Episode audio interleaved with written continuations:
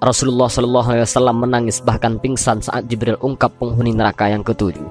Kala itu Jibril datang kepada Rasulullah pada waktu yang tak biasa. Namun Jibril terlihat berbeda, raut wajahnya yang tak biasa. Maka Rasulullah Shallallahu Alaihi Wasallam bertanya, Mengapa aku melihat kau wahai Jibril merubah mukamu? Jibril menjawab, Ya Muhammad, aku datang kepadamu di saat Allah menyuruh supaya dikobar penyalaan api neraka maka tidak layak bagi orang yang mengetahui bahwa neraka jahanam itu benar, siksa kubur itu benar, dan siksa Allah itu terbesar untuk bersuka-suka sebelum ia merasa aman daripadanya. Lalu Rasulullah Shallallahu Alaihi Wasallam bersabda, Ya Jibril, jelaskan padaku sifat jahanam itu. Jibril kemudian menjawab, Ya, ketika Allah menjadikan jahanam, maka dinyalakan selama seribu tahun sehingga merah kemudian dilanjutkan seribu tahun sehingga putih, kemudian seribu tahun sehingga hitam, lalu menjadi hitam gelap, tidak pernah padam nyala dan berat. Demi Allah, andaikan terbuka sebesar lubang jarum, niscaya akan dapat membakar semua penduduk dunia karena panasnya. Demi Allah, andaikan satu baju ahli neraka itu digantung di antara langit dan bumi, niscaya akan mati penduduk-penduduk bumi karena panas dan besinya. Demi Allah, andaikan satu pergelangan dari rantai yang disebut dalam Al-Quran itu diletakkan di atas bukit, niscaya akan cair sampai ke bawah bumi yang ketujuh. Demi Allah, andaikan seorang di ujung barat tersiksa, niscaya akan terbakar orang-orang di ujung timur karena sangat panasnya. Jahanam itu sangat dalam, perhiasannya besi, dan minumannya air panas bercampur dengan tanah, dan pakaiannya adalah potongan-potongan api. Api neraka itu ada tujuh pintu. Jarak antara pintu sejauh 70 tahun dan tiap pintu panasnya 70 kali dari pintu yang lain. Dikatakan dalam hadis kudusi, bagaimana kamu masih boleh melakukan maksiat sedangkan kamu tak dapat bertahan dengan panasnya terik matahariku? Tahukah kamu bahwa neraka jahanamku itu mempunyai tujuh tingkat. Setiap tingkat mempunyai tujuh puluh ribu daerah. Setiap daerah mempunyai tujuh puluh ribu kampung. Setiap kampung mempunyai tujuh puluh ribu rumah. Setiap rumah mempunyai tujuh puluh ribu bilik. Setiap bilik mempunyai tujuh puluh ribu kota. Setiap kota mempunyai tujuh puluh ribu batang pokok zakum. Di bawah setiap pokok zakum mempunyai 70 ekor ular. Di dalam mulut setiap ular yang panjangnya 70 hasta mengandung lautan racun yang hitam pekat.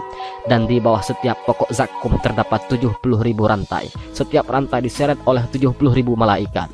Api yang ada sekarang ini yang digunakan Bani Adam untuk membakar hanyalah satu per 70 dari api neraka jahanam. Hadis riwayat Bukhari Muslim. Allah berfirman dalam beberapa ayat berikut. Apabila neraka itu melihat mereka dari tempat yang jauh, mereka akan mendengar keragaman, kegeraman, dan suara yang menyala-nyala. Quran Surat Al-Furqan ayat 11 Apabila mereka dilemparkan ke dalamnya, mereka mendengar suara neraka yang mengerikan. Sedang neraka itu mengelak. Hampir-hampir itu terpecah lantaran marah. Quran Surat Al-Muluk ayat 7 air di jahanam adalah hamim, yaitu air panas yang mengelak-ngelak. Anginnya adalah samum, angin yang hangat panas. Sedang naungannya adalah yahmum, naungan berupa potongan-potongan asam, asap hitam yang sangat panas. Quran Surat Al-Waqiah ayat 41 sampai ayat 44. Rasulullah Shallallahu Alaihi Wasallam meminta Jibril untuk menjelaskan satu persatu mengenai pintu-pintu tersebut.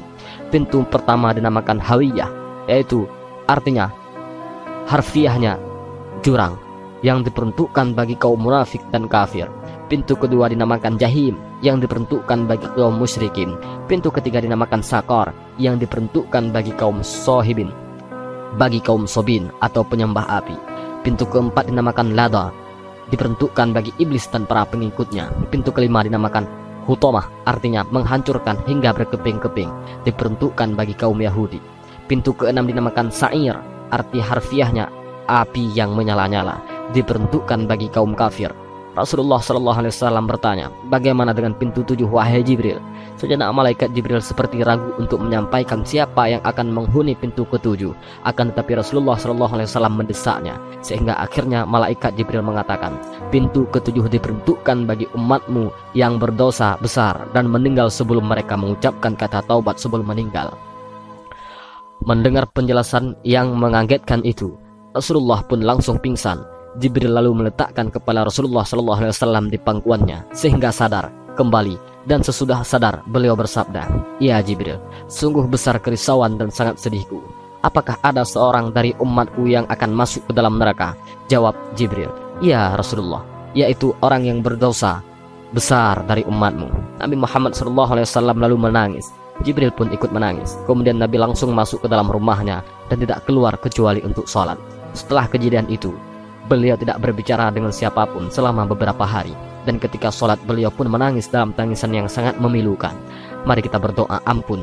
Mari kita mohon ampun. Jangan sampai kita meninggal sebelum bertobat. Mari kita bersolawat kepada Nabi kita, Nabi Muhammad SAW agar kita diberi syafaat. Assalamualaikum warahmatullahi wabarakatuh.